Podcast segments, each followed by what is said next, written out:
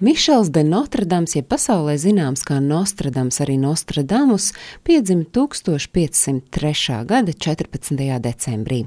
Viņš bijis aptiekārs, taču pasaule gan viņu zina kā cilvēku ar plašu pareģojumu krājumu, kuri ir bijuši precīzi. Savu vārdu no Notredama uz Nostradams viņš nomainīja saņemot doktora grādu.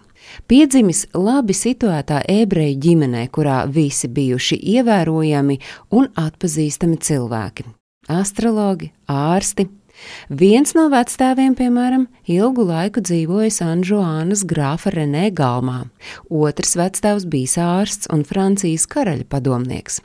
Abi vectēvi tiem laikiem bijuši izglītoti cilvēki un ar plašu redzesloku, un tikai loģiski, ka viņu pavadībā jaunais Mišels apguvis medicīnu, ārstniecības augus, alķīmiju, matemātiku un arī astroloģiju.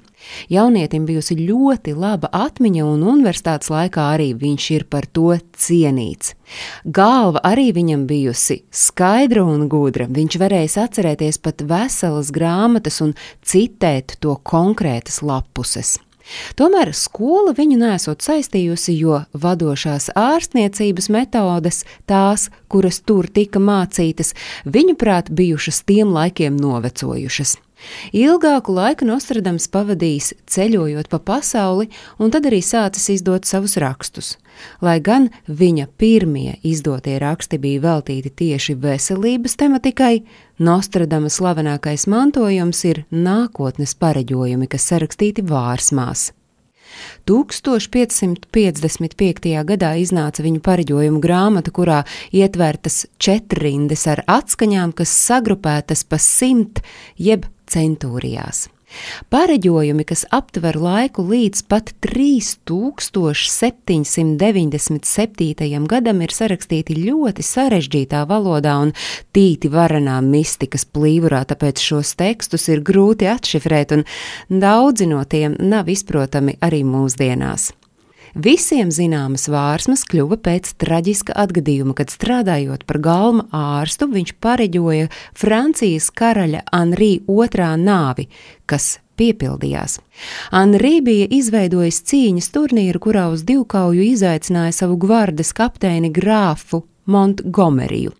Ilgu laiku pretinieki nespēja pieveikt viens otru, tāpēc grāfs ierosināja vienoties par neizšķirtu, par ko karalis gan nebija mierā. Līdz ar to cīņa turpinājās, bet nogurušie zirgi laukuma centrā saslējās kājās, un Montgomerijas čēps lūstot caursita karaļa zelta bruņu cepuri un caururba karaļa kreiso aci, vienīgo bruņu neaizsargāto vietu.